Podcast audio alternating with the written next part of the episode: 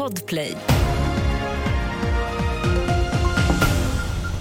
Nyheterna börjar i Ukraina. ГУР займається з'ясуванням долі усіх полонених. Служба безпеки Ja, України Ukrainas president Volodymyr Zelensky kräver en oberoende internationell utredning av flygkraschen i ryska Belgorod igår.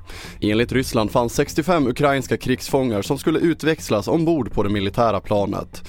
Ukrainas underrättelsetjänst bekräftar att en fångutväxling skulle ske men säger att de inte fått veta hur och när fångarna skulle transporteras och att det fortfarande är oklart om de befann sig på planet eller inte. Vi fortsätter med att president Joe Biden har skickat ett brev till kongressens ledamöter där han ber dem att godkänna försäljningen av F-16 stridsflyg till Turkiet, det rapporterar Reuters. Vita huset har inte velat kommentera uppgifterna.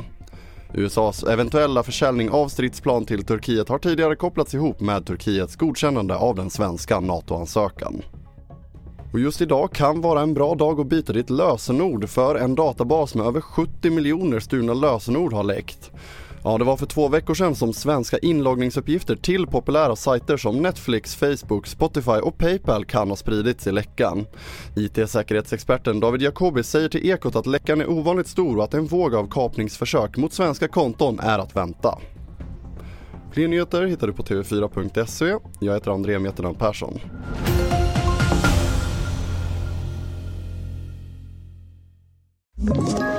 Ett poddtips från Podplay. I fallen jag aldrig glömmer djupdyker Hasse Aro i arbetet bakom några av Sveriges mest uppseendeväckande brottsutredningar.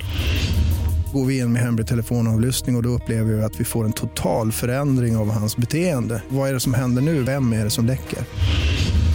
Och så säger han att jag är kriminell, jag har varit kriminell i hela mitt liv men att mörda ett barn, där går min gräns. Nya säsongen av Fallen jag aldrig glömmer på Podplay.